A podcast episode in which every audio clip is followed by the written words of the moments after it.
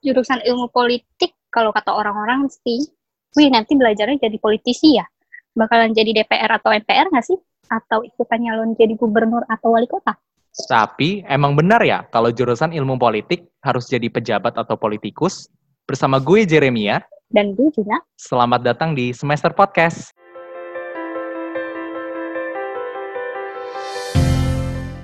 Halo semuanya. Halo. Jadi hari ini spesial banget nih. Apa nih yang spesial nih John? Ada bintang tamu. Luar biasa. Narasumber akhirnya kita punya Iya, akhirnya kita punya bintang tamu yang nggak berdua lagi. Jadi hari Iya. ini kita kedatangan Lutfi. Hai Lutfi. Halo Jere, halo Juna. Halo. Perkenalin diri dulu. Iya, coba dong. harus perkenalan ya? Iya, benar harus, dong. kenal dulu. Kan nggak kenal masa nggak sayang. Luar Oh, biasa. Kirain bakal kenali gitu kan, jadi harus perkenalan sendiri, baiklah. Iya.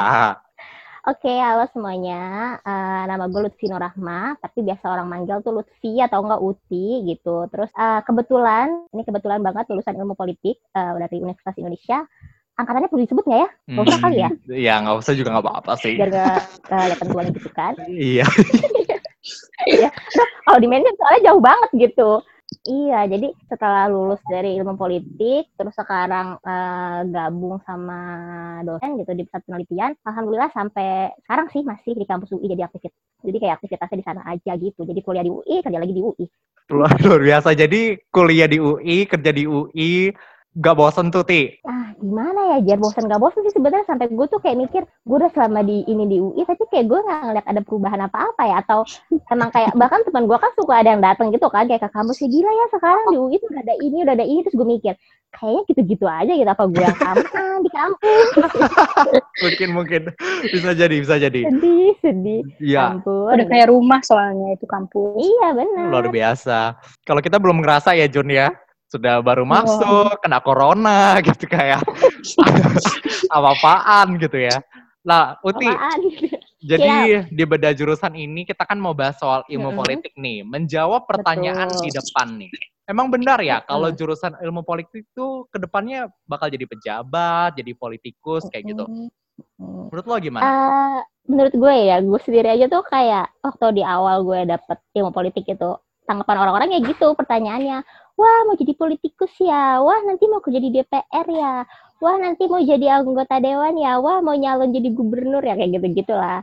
Tapi sebenarnya kalau misalnya pas kita udah masuk ke sana, udah belajar, kita tuh ngelihat sebenarnya kayak apa ya, hmm, eh, proyeksi atau prospek ilmu politik tuh nggak melulu harus eh, di sana gitu. Kita nggak harus selalu masuk ke dalam pemerintahan, pun di luar kita bisa gitu. Contohnya apa? Kayak misalnya kita jadi konsultan, atau misalnya kayak kita kerja di lembaga survei kayak gitu, atau misalnya eh, banyak juga yang jadi peneliti gitu. Dan kalau misalnya teman-teman lihat juga banyak kok yang misalnya kayak mereka nggak punya background ilmu politik, tapi mereka menceburkan diri gitu kan ke eh, pekerjaan-pekerjaan yang eh, berkaitan dengan itu gitu. Jadi kayak ya gue sih malum aja gitu kan. Mungkin orang pikirannya ilmu politik jadi politikus, jadi anggota dewan, jadi pejabat, jadi ini gitu. Sebenarnya enggak gitu. Oke, jadi kayak berarti prospeknya tuh bukan melulu soal politik ya. Bisa ke iya betul betul ya banget. karena yang dipelajari pasti nggak cuman politik doang kan, pasti ada Ya, belajar hal yang lain kayak gitu. Benar-benar. Jadi kayak ilmu po- politik nggak melulu harus jadi eh, anggota dewan, harus kerja di DPR. Nggak banyak banget proyeksi atau prospek pekerjaan eh, dari lulusan ilmu politik gitu. Bahkan nggak Hmm. sedikit juga kok yang kerja di bank, yang jadi MP kayak gitu-gitu. Oh, oke oke, benar-benar benar. Jadi Uti ini kenapa sih emang awalnya milih politik apa kayak yang tadi udah dibilang orang-orang pengen jadi politikus, pengen jadi anggota DPR MPR gitu. Keinginannya apa sih ekspektasinya? aduh gue kadang aja kadang pertanyaan aja udah ketawa ya. Gue sering banget kalau ditanya, ditanya orang gitu kan kayak eh, wah dulu masuk ilmu politik ya gini-gini. Wah dulu apa namanya kuliah di UI ya ambil ilmu politik keren ya gini-gini. Kalau ditanya kenapa milih itu pengen ya? Sejujurnya itu iseng-iseng berhadiah. Kenapa bahkan gue tuh? aja bahkan kayak gue aja tuh nggak inget gitu kalau jurusan pertama yang gue pilih di eh, jalur undangan adalah ilmu politik. Karena fokus gue waktu itu bahasa Jepang kayak gitu. Walaupun gue tuh kayak eh, nggak jago-jago banget bahasa Jepangnya tapi karena di SMA tuh ada pelajaran dua kan Jerman sama Jepang dan gue interest gitu emang sama bahasa. Terus gue mikir kayak apa gue pilih sastra Jepang aja ya? Gitu. Jadi kalau dibilang gue kayak iseng-iseng berhadiah sebenarnya milih ke UI gitu. Milih ke UI dan ilmu politik. Karena sebenarnya gue dulu kayak gak berekspektasi untuk lanjut kuliah sih kayak gitu. Tapi ternyata uh, Tuhan berkehendak lain gitu kan. Ternyata gue ditunjukin jalan ini Uti nih kayaknya kamu harus ke sini gitu. Karena nanti kamu akan menjadi ini gitu. Jadi pas gue diterima di ilmu politik gue juga bingung tuh belajar apa nih gue ya? Terus nanti bakal gimana nih? Gue bisa bertahan gak ya? Gitu. Tapi kayak ya udah dijalanin aja. Kalau ditanya niat atau enggak sebenarnya gue nggak niat itu tadi iseng berhadiah. Seiseng-iseng itu Luar biasa. Jadi waktu ketika milih akhirnya masuk jurusan ilmu politik nih, Ti.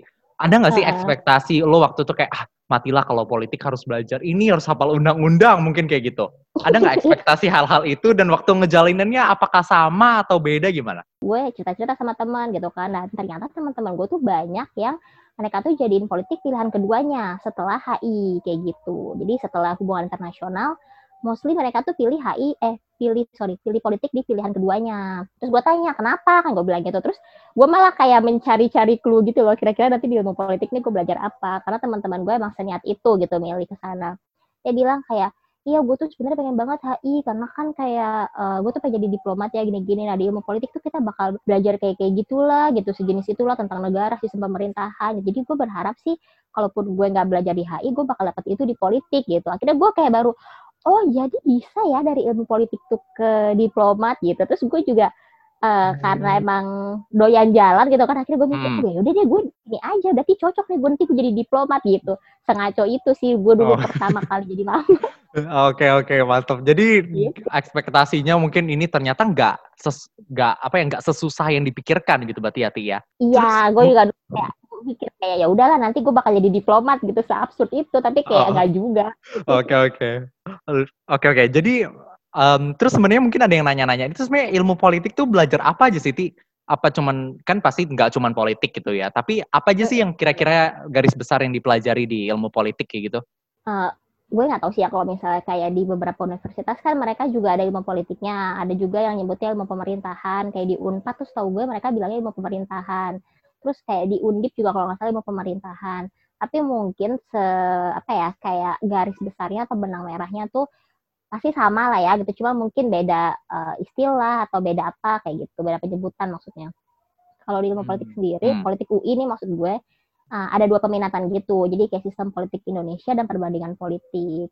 Nah tadi benar kata Jamie eh benar kata Jerry gitu kan. Kalau misalnya eh, di ilmu politik tuh nggak melulu belajar tentang eh, politik gitu tapi emang sih ya namanya juga ilmu politik ya kan pasti politik cuman kayak kita Pasti. kaitkan misalnya kayak politik eh, lingkungan, politik dan perempuan, terus juga kita kayak Hmm. belajar politik perburuhan gitu. Terus juga kalau misalnya yang peminatannya perbandingan politik gitu, kita belajar kawasan tuh kayak politik di Australia, politik di Amerika Latin, politik di Eropa Barat, politik di Eropa Timur kayak gitu. Semenarik itu Wow. sebenarnya. Wow wow wow. Wow keren sih. Seru juga ya ternyata ya. Bener-bener. Iya. Bener. Gak ngebayang loh, ternyata politik tuh belajarnya kayak gitu. Iya, Bisa bener banget. Tentang negara juga ternyata. Iya. Mm. Iya benar. Gue kira selama ini oh belajarnya tuh huk undang-undang ini terus gitu UUD 1945 atau TAP Enggak, MPR atau yang kayak gitu doang gitu yang gue pikir selama Enggak. ini. Wow, keren keren Gitu. keren. Nah, terus Ti, Hmm. apa tugas tugas-tugasnya tuh kayak apa sih atau misalnya salah satu tugas nih yang menurut lo tuh bener-bener seru banget, bener-bener lo ingat banget gitu waktu kuliah dulu. Aduh, eh, kalau misalnya ngomongin tugas, kok gue jadi sedih ya. Kenapa tuh? Aduh, gue tuh sebenarnya tipe anak yang eh, suka baca, tapi gue nggak suka nulis. Dan itu diharuskan kayak di politik tuh gue harus menulis kayak gitu. Kayak tiap ujian harus bikin paper, terus kayak tugas kelompok eh, bikin paper atau tugas individu bikin paper presentasi kayak gitu-gitu. Nah gue tuh semales itu dengan urusan-urusan menulis-tulis gitu kan. Dan bahkan kadang tuh kayak kalau lagi musim IWAS atau UTS itu rasanya kayak aduh gue kayak bakal jadi zombie ini seminggu ke depan karena kayak aduh papernya sebanyak itu gitu makanya gue kalau misalnya ketemu orang nih iya Hmm. kak aku pengen banget masuk ilmu politik. Terus gue suka bilang kayak ya semangat ya deh gitu. Iya ya. tapi tapi dalam hati gue kayak ya lo nggak tahu aja gitu. Karena tuh kadang kalau misalnya kayak yang lagi apa ya kayak mata kuliah mata kuliah yang model team teaching gitu kan. Contohnya nih misalnya kayak Asia Timur. Berarti kan kita belajar hmm, Jepang, Korea Selatan, bahkan Korea Utara kita pelajarin juga, terus kayak Taiwan, uh, Tiongkok gitu kita pelajarin tuh. Misalnya dosennya tiga, nah pas UTS atau UAS tiga-tiganya ini ngasih paper. Wow. Emang sih kayak maksimal 15 halaman ya, tapi kan kayak 15 halaman kayak tiga udah 45 itu tambah dikit lagi udah jadi skripsi. Iya benar, gitu. iya benar, benar, benar. Iya kayak itu. Tapi kalau misalnya mata kuliah yang paling berkesan buat gue dan sampai sekarang tuh masih gue ingat itu yang politik Hmm. politik perdesaan gitu. Wow, Jadi apa gue tuh, Ti? Boleh ceritain Iya, dikit jadi ya? Apa tuh politik Boleh, perdesaan? Tuh gue pertama kali denger loh ini jujur. Ya, ada politik pedesaan, ada juga politik perkotaan gitu. Wow, oke oke. Kalau Iya. perdesaan gimana? Belajar desa Jadi- gitu atau? Iya, betul, betul, betul. Belajar desa. Jadi kayak eh, kan desa tuh mereka juga sekarang dikasih eh, kekuasaan lah ya, dikasih kewenangan. Bahkan ada yang namanya dana desa yang langsung dikasih ke desa untuk dikelola gitu sama si desanya ini. Ya pasti tujuannya ya untuk meningkatkan eh, kesejahteraan, kemakmuran masyarakat desa kayak gitu. Nah dulu tuh gue belajar politik pedesaan itu dikasih tugas nih sama dosennya, bikin penelitian dan individu. Itu penelitian pertama gue yang gue kerjain sendiri. Wow. Terus gue udah sempet panik kan kayak kampus nih gue ngerjain sendiri gini segala macam dan waktu itu tuh kayak teman-teman gue tuh keren-keren banget desanya awalnya Oke. rencananya kayak iya awalnya tuh rencananya kita tuh kayak bakal pergi serombongan gitu kan seangkatan tuh. Waktu itu rencananya kalau nggak ke Baduy ke kampung gue lupa kampung Cina apa Wow, kampung keren. apa gitu yang di daerah Garut. Tuh hmm, yang di Hmm. Garut. Tapi karena satu dan lain hal nggak jadi kan. Akhirnya yaudah lah ini penelitian sendiri gitu. Terus teman-teman gue kayak ada yang ke desa Sasak di Lombok ada yang ke desa di Aceh. Mereka emang pulang sih ke kampungnya masing-masing.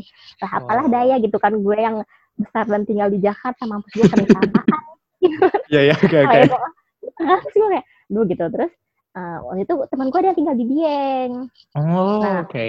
Hmm, nah gue sempet pamit sama orang tua waktu itu izinnya mau main tapi nggak dikasih kan kayak ya alasan gue cuma mau main nah akhirnya gue bilang lah sama orang tua gue kayak iya nih ada apa namanya ada penelitian gue bilang gitu kayaknya semakin bagus eh semakin jauh desanya semakin bagus nilainya karena kan kayak usaha kita Iya, makin gede kan iya, bener banget, bener banget. Iya, oke oke. Akhirnya gue diizinin karena alasan itu. Ya udahlah tuh gue penelitian. Iya serius tuh gue penelitian. nah tapi tuh dengan bodohnya gue ya emang karena dasar niatnya tuh nggak bener gitu. Dari awal tuh gue kayak ah, gue dulu fokusnya kayak aduh di dia nih tempat jalan-jalannya apa ya yang bagus ya. Terus kayak wah gila gue bisa ngeliat sunrise di sana gitu gitu nah terus gue tuh malah nggak kebayang bakal nulis apa gitu. Pas udah nyampe di Dieng kan cuma tiga, dua hari kalau nggak salah ya gue di sana. Tuh gue baru mikir aduh gue penelitian nulis bahas apa nih? Gitu. Akhirnya tuh kayak cuman bermodalkan lagi sarapan gue searching-searching apa ya gitu kan. Terus akhirnya gue bahas waktu itu tentang tanah ulayat gitu gimana tanah ulayat dikelola sama eh, penduduk desa situ gitu. Ya alhamdulillah waktu itu Wow. gue tuh dapat iya waktu itu kalau nggak salah ya gue dapet nilai A gitu kan. Dan itu kayak Wow, keren keren. kayak modal kayak modal izin banyak alasan gitu. Iya nih kalau udah saja makin jauh makin bagus. Padahal emang aja gue mau jalan gitu Iya. Iya, itu penelitian pertama tuh gue seneng banget sih. Itu kayak gue ngerasa kayak wah, puas banget gitu. Kayak gitu, Jere Juna. Wow, keren banget, keren banget. Jadi jurusan ilmu politik ini bisa bikin jalan-jalan juga ya, Bu, ya Oh, bisa, bisa banget. Bisa banget ya, luar Bisa biasa. banget sebenarnya. Iya, bisa banget sebenarnya gitu. Terus kayak pelajarin hukum-hukum gitu nggak sih sebenarnya politiknya? Ah, pasti sih. Karena kan Pasal-pasal gitu-gitu. Iya sih kalau misalnya eh, se apa namanya kayak spesifik itu enggak sih ya Jun. Jadi kan kayak ya pasti kan ketika kita ngomongin politik, misalnya kita ngomongin kebijakan, pasti kan ada regulasinya, ada aturannya nih. Nggak mungkin nih kebijakan asal dikeluarin gitu kan. Pasti ada patokan-patokannya. Nah itu sih paling yang kadang tuh kayak otonomi daerah misalnya waktu itu gue lupa ya undang-undang nomor berapa gitu kita pelajarin tapi nggak semuanya kayak kita ambil pasal-pasal tertentu yang emang berkaitan atau misalnya waktu itu gue skripsi bahas politik perburuhan tapi buruh migran. Itu gue juga eh, pelajarin juga tuh undang-undangnya kayak gitu. Tapi nggak semuanya cuman yang berkaitan berkaitan aja. Cuman nggak harus dihafal kok kayak harus ngafalin segitu. Enggak gitu. Kayak kita cuma Oh. ngambil eh, potongan-potongan yang emang eh, punya relevansi aja sama apa yang mau kita bahas. Itu Jun aja jadi nggak usah khawatir. Kalau misalnya kalian tertarik untuk berpindah jurusan gitu kan. Rasanya, rasanya nggak Enggak, bisa deh gue. Aduh, nggak bakal. Terima kasih loh, Uti. Tapi rasanya tidak gitu. Terus, berarti sama nggak sih sama jurusan hukum sebenarnya? Oh oke. Eh, Sebenarnya kalau misalnya dibilang sama, nggak sama pasti Jer, Jun. Karena emang kan kalau misalnya kayak hukum mereka emang spesifik banget kan. Bahkan emang kadang tuh gue suka takjub gitu ya sama anak hukum kayak gila di otaknya tuh undang-undang hafal luar kepala kali ya. Mereka tuh kadang kalau ngomong tuh langsung keluar pasal, ngomong tuh langsung keluar pasal. Beda banget sama kita gitu. Kalau kita tuh kayak ya ngomong uh, fakta, data, ada teori ya udah itu kita omongin gitu. Paling kita pakai itu tadi yang gue bilang kalau misalnya ngomongin kebijakan atau regulasi pasti ada peraturan hukum yang menyertai gitu. Tapi itu nggak melulu kita hafal gini-gini enggak. Beda banget sebenarnya sama hukum. Karena kan emang mereka yang namanya hukum kan emang harus sesuai gitu. Nggak bisa tuh kata-katanya atau diksinya diubah-ubah. Harus pas bahkan titik komanya gitu kalau menurut gue sih. Gitu. Hmm, jadi ini kayak lebih uh, belajar hukum tapi nggak se nggak sedetail anak hukum gitu ya. Ada lah iya, percikan-percikan hukumnya gitu ya. Betul. karena kan kita lebih ngomongin fakta gitu kan. Kita lebih ngomongin gimana sih kondisi yang ada seperti saat ini terus biasanya kalau politik tuh ya papernya itu harus ada uh, data harus ada teori. Nah itulah yang kita pakai gitu itu yang kita elaborasi sampai akhirnya bisa jadi tulisan bisa bisa dibaca kayak gitu.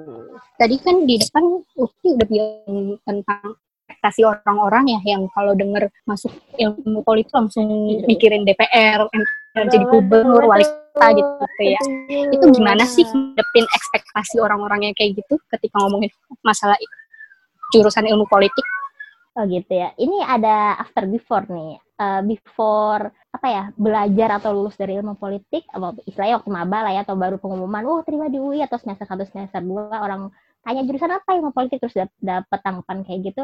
Ya paling gue cuma senyum atau gue cuma kayak iya pak. Iya om. Iya tante. Iya bu kayak gitu doang. Tapi kalau sekarang gitu ya gue bisa bilang ilmu politik tuh nggak sesempit itu gitu. Nggak se apa ya nggak se selalu DPR, MPR, anggota dewan gitu. Enggak gitu. Bahkan kan yang tadi gue bilang kayak banyak kok orang yang gak punya background politik sama sekali berani dia gitu nyalonin jadi anggota dewa, jadi gubernur, jadi ini, jadi itu gitu. Jadi sekarang gue kalau misalnya kayak ditanya, itu jurusan apa dulu? Gitu, ah, ilmu politik, oh atau ambil ilmu politik tante, oh mau jadi politikus ya? Enggak kok, sekarang aku kerja eh, kerja di kampus, ikut penelitian sama dosen kayak gitu.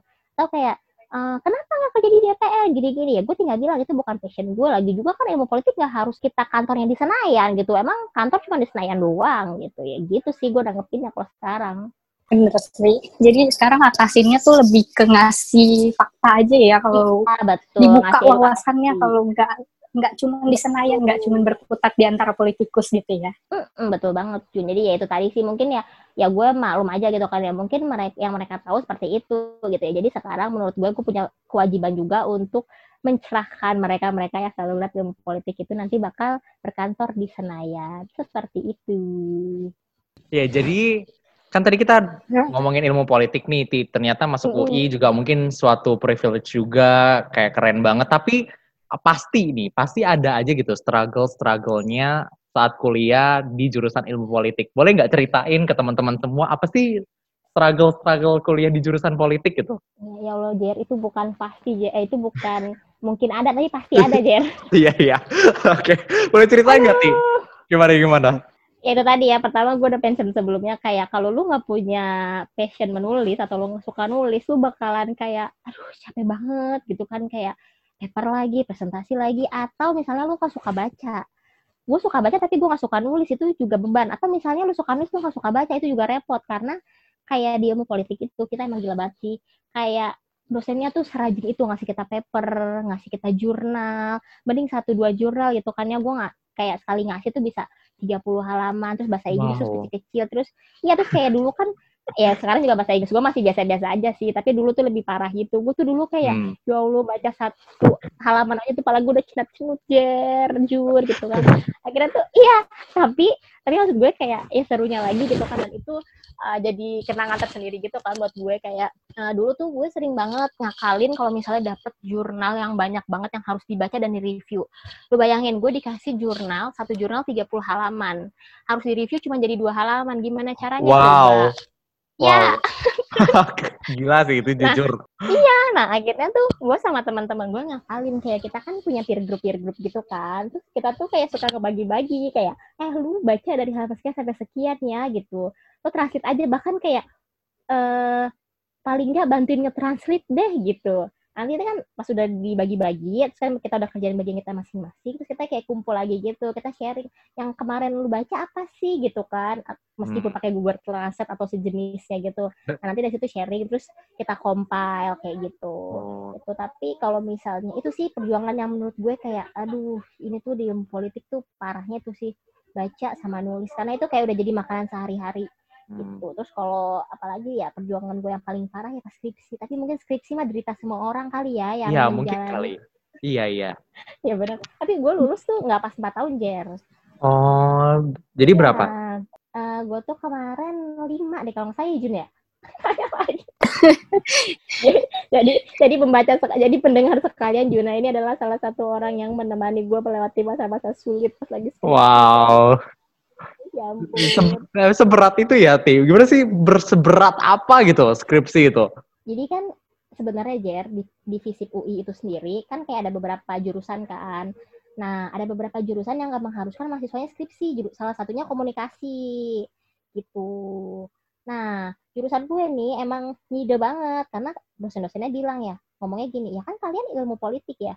Masa kalian tuh sebagai ilmu nggak bisa membuat sebuah tulisan dari pikiran kalian kayak gitu-gitu lah intinya. Hmm. sama aja emang udah akhirnya gue kerjain lah tuh kita kan harus skripsi. Mm so waktu itu gue gue itu bahas tentang buruh migran kebijakan buruh migran gitu. Nah sebenarnya gue tuh dulu tuh kayak yang jadi kendala utama gue adalah teori. Gue tuh nggak yakin sama teori gue gitu. Dilalahnya gue dapet pembimbing yang emang sebenarnya beliau nih keren banget. Keren pokoknya keren banget lah. Beliau dulu pernah duduk di intinya pernah punya jabatan hmm, waktu zaman uh, Presiden SBY kayak gitu. Wow. Nah setelah iya, nah setelah beliau selesai masa jabatannya, beliau balik ke kampus, sangat-sangat bersyukur dibimbing bel- beliau kan teman-teman gue banyak banget yang pengen kayak, ih keren banget dibimbing si mas ini gitu. Gue juga kayak iya nih gue dibimbing dia gitu. Gue belum tahu aja, Belum tahu ya, belum tahu. belum tahu Jer. Udahnya ya Allah gue kayak pengen nangis karena lu bayangin ya, waktu pertama kali gue dikasih tahu dia tuh dosen pembimbing gue, bahkan dia yang nelpon gue kayak, ya Lutfi, eh, apa namanya saya dapat info dari departemen ada beberapa anak yang akan saya bimbing skripsi salah satunya kamu. Kita bisa mulai eh, buat jadwal ya untuk bimbingan. Lu bayangin ya dosen pembimbing nelfon anak bimbingan Luar biasa.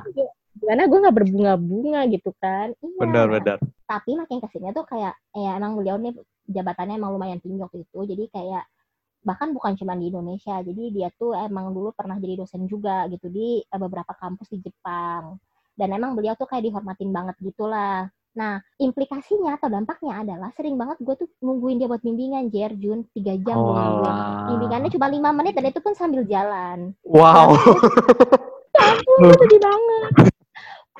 Pernah dia tuh alasannya gini, sambil jalan nih dia ngomong gini, "Eh, dan kan kita kan kayak ada beberapa gitu kan anak bimbingannya dan emang kita berlima nih nggak ada yang pas 4 tahun lulusnya kayak gitu nggak ada yang pas 4 tahun. Hmm. jadi beliau tuh kayak sambil jalan bilang iya ini eh, saya diundang untuk menghadiri ulang tahun tentara Jepang. Terus kita kayak yang ya Allah mas kita udah tiga jam nunggu loh gitu. Tapi kayak ya udahlah gitu. Tuh terus nah itu gue tuh butuh sebenarnya butuh drilling terkait sama teori gue gitu. Ini tuh udah pas atau belum gitu. Dan dia tuh malah kayak menurut kamu ini udah cocok belum Lutfi? Terus gue kayak yang ya Allah ini teori lo nanti ditanyain pas sidang gitu. Iya. iya dan gue tuh kayak ya udahlah ya gitu. Sampai akhirnya tuh lo bayangin Jar buat dapat tanda tangannya dia nih tanda ACC dia kebalikin lagi ke gue. Lutfi menurut kamu ini udah layak belum untuk di untuk disidangin. Gue kayak yang salah di dalam hati sih tapi kayak ya saya sih yakin mas gitu. Oke langsung di ACC dong. Wow. iya tapi gue tuh kayak gue bismillah aja dalam hati ya kayak ya Allah ini gue sidang gimana ya? Udah tapi alhamdulillah sih kayak pas sidang ternyata emang itu cuman kekhawatiran gue yang berlebihan aja terkait Hmm. teori karena mereka tuh lebih banyak bahas uh, data atau fakta yang gue dapat di lapangan Oh. gitu Wow. Keren, keren, keren. Emang harusnya nggak perlu terlalu takut ya. iya betul betul jangan jangan ini sih jangan overthinking sebenarnya Benar-benar. Terus Iya. eh, tadi kan udah ngebahas susah-susahnya tuh kayak Mm-mm. harus sering baca, sering nulis gitu-gitu. Selain itu apalagi sih yang harus dimiliki sama orang-orang yang mau masuk ilmu politik dan bertahan tentunya di ilmu politik. Soalnya sebelum ini kita ada episode tentang salah jurusan. Oh gitu, bertahan ya. Em, yang harus mereka punya ya, menurut gue sih satu hal yang paling penting itu adalah komitmen. Di sini tuh bukan komitmen cuman sekedar kayak uh, gue harus lulus gitu. Tapi maksud gue ketika lu kuliah gitu kan apalagi gue nih misalnya kan gue kuliah dapat beasiswa gitu gue punya tanggung jawab gitu terhadap pemberi beasiswa gue gitu. Jadi maksud gue alasan gue kenapa bisa bertahan dan akhirnya bisa lulus di ilmu politik itu juga kayak uh, eh, gue punya orang-orang atau gue punya pihak-pihak yang istilahnya harus gue bukan harus gue senangi juga sih tapi kayak harus gue penuhi lah ekspektasi mereka kayak gitu. Contohnya tadi kayak pemberi beasiswa gitu. Kan nggak mungkin ya lu cabut di tengah-tengah gitu. Tapi emang nggak sedikit nggak sedikit juga sih hmm, teman-teman gue yang akhirnya kayak bye bye gitu di tengah-tengah karena satu dan lain hal gitu. Bahkan ada juga yang pas uh, skripsi gitu kan sampai depresi-depresi gitu. Karena ya itu tadi sih gitu. Apa ya mungkin jurusan gue ini gue nggak ngerti ya di kampus gue doang kah? Apa di beberapa kampus lain juga kayak gitu gitu. Karena kayak di kampus gue nih kita sidang skripsi belum tentu lulus gitu. Ada teman gue yang sidang skripsi sampai tiga kali sidang baru lulus. Wow. Terus ada juga yang kayak oh. iya, dia serius gue. Bahkan sampai ada kayak sidang proposal nih kan sebelum sidang sebelum kita nyusun skripsi kan sidang proposal atau sempro lah istilahnya sidang proposal gitu. Itu udah nyusun disuruh ganti. Jadi maksud gue kayak ya salah satu hal yang harus ada dan emang harus lo pegang sampai akhir tadi komitmen gitu komitmen emang sih kedengarannya kayak basi banget sih klise banget sih abstrak banget sih gitu kan komitmen gitu tapi ya menurut gue emang itu penting banget gitu itu yang gue juga kayak aduh kalau enggak gue mah udah dari kapan-kapan gue cabut dari situ nggak sanggup gue nggak sanggup beneran deh kayak ah, tapi itu tadi gue mikir harus ada ada pemberi beasiswa yang harus gue penuhin kewajiban gue sebagai penerimanya terus ada orang tua gue juga yang yang mereka senang banget gitu gue bisa dapet di sana gue bisa uh, dapet beasiswa juga gitu. Jadi kayak ya pihak-pihak yang harus gue inilah karena mereka udah mensupport gue sebegitunya gitu. Jadi ya ini adalah balasan gue ke, ke mereka gitu Oke, berarti bukan cuman kemampuan ya Ti ya, tapi komitmen untuk menjalani jurusan tersebut gitu. Itu yang harus betul, ada berarti ya.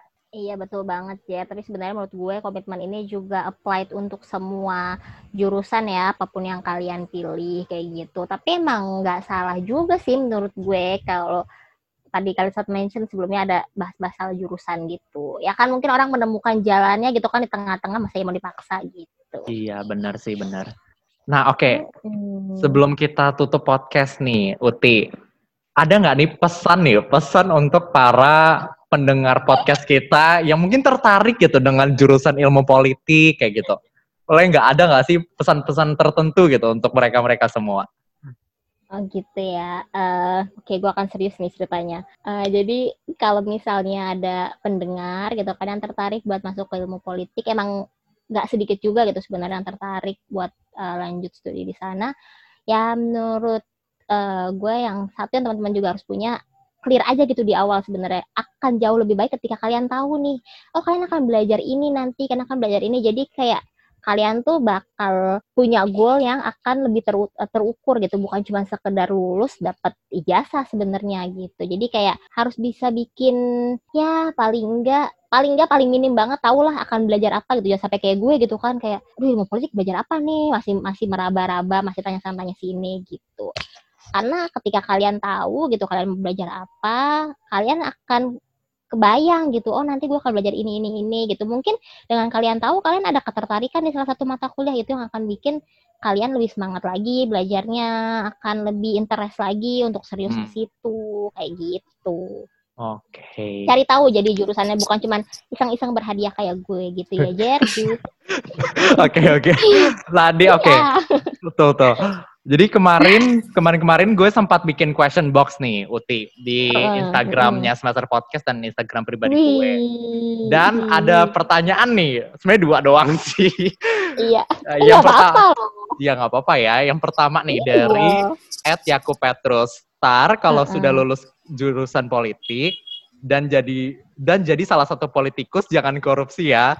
Ini lebih bukan pertanyaan, jangan bukan pertanyaan sih ya saran ya itu iya betul ya. mungkin unek-unek juga gitu. Tapi melanjutkan gini berarti kan banyak juga berarti ada kak teman-teman lo uti yang satu angkatan dan lo dan memang banyak yang jadi politikus? Ada nggak? Oh, banyak. kalau misalnya uh, jadi politikus sih enggak ya cuman banyak banget temen gue yang akhirnya lanjut magang di lembaga negara yang ada di Senayan gitu kantornya ya. Jadi kan dulu kan kita tuh kayak ada wajib magang kan entah tuh di DPR MPR kayak gitu Nah, teman-temanku tuh banyak yang akhirnya lanjut, lanjut magang gitu. Nah, karena waktu itu ceritanya gue masih idealis nih, gue kayak yang uh, gue mau fokus dulu ah ke studi gue kayak gitu. Akhirnya gue nggak lanjut. Hmm. Padahal kayak tapi gue juga nggak passion juga sebenarnya di sana mungkin gue juga akan kabur dari kapan-kapan kali ya tiga bulan aja menurut gue tuh lama banget pas gue magang di sana.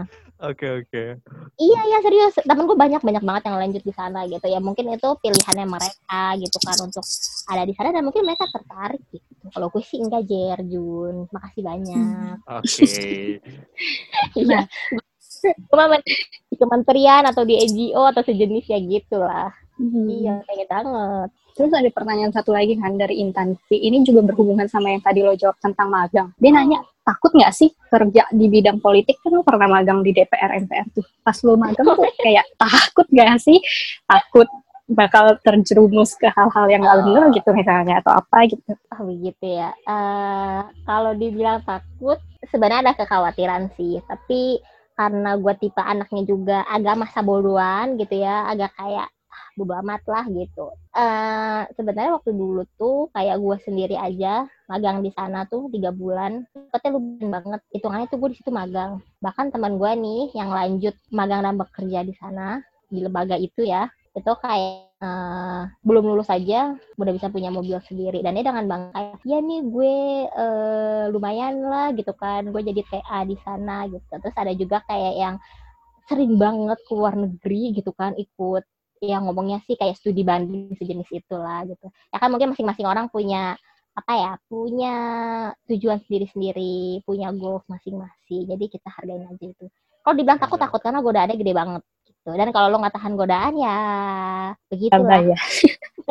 iya mana anaknya gampang mana gue anaknya gampang digoda gitu Suka menggoda diri sendiri.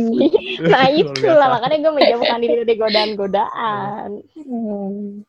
Terus katanya emang pas kuliah tuh kebanyakan cowok atau gimana sih anak-anak di jurusan ilmu politik? kayaknya enggak sih waktu zaman gue tuh kayak kita hampir bahkan bah kayaknya banyak kan ceweknya deh terus juga kayak yang lebih strong gitu malah cewek-ceweknya Sheila ya Wow. kayak iya serius kalau misalnya ada apa-apa tuh ya kayak apa-apa jurusan tuh kayak ceweknya bahkan gue inget banget teman gue ada yang ketika ditanya cita-citanya mau jadi apa dia bilang dia mau jadi presiden satu-satunya cewek di Oh. jurusan yang jawab kayak gitu kayak Wow keren. wow Luar biasa. Oke, Mm-mm. jadi ternyata ilmu politik itu nggak seperti yang dipikir-pikirkan ya, Ti. Ya, berarti bukan melulu Betul. tentang politikus, nggak melulu soal Mm. DPR, MPR, tapi banyak selama Yes. teman-teman pengen gali lebih explore lagi ya. Nggak sih? bener-bener setuju banget gue setuju setuju, betul betul betul banget banyak banget bidangnya banyak banget turun-turunannya lagi gitu kalau emang teman-teman mau mencari tahu itu mau mengeksplor lebih banyak kalau kata Jere gitu Oke. Dan untuk teman-teman yang mau masuk ilmu politik harus banyak baca dan harus mulai rajin-rajin Nulis. belajar nulis gitu ya. iya bener-bener setuju gue kalau nggak kayak gue nih ngapa-ngapain Oke, jadi thank you so much untuk Uti yang sudah mau join di beda jurusan part pertama. Thank you banget loh iya ya. ya aku juga makasih banyak nih Jere sama Juna udah mau ngundang dan ngedengerin uh, cerita-cerita gue banyakan ngaconya sih sebenarnya ya banyakan kayak eh, mungkin ini cukup untuk membuka wawasan teman-teman jadi mungkin bisa mikir kayak kayaknya ilmu politik bukan gue atau kayak wah kayaknya ilmu politik gue banget nih Oh gitu. iya. Oke, luar biasa. Thank you Uti sekali lagi udah join Iya. di semester podcast. Thank you.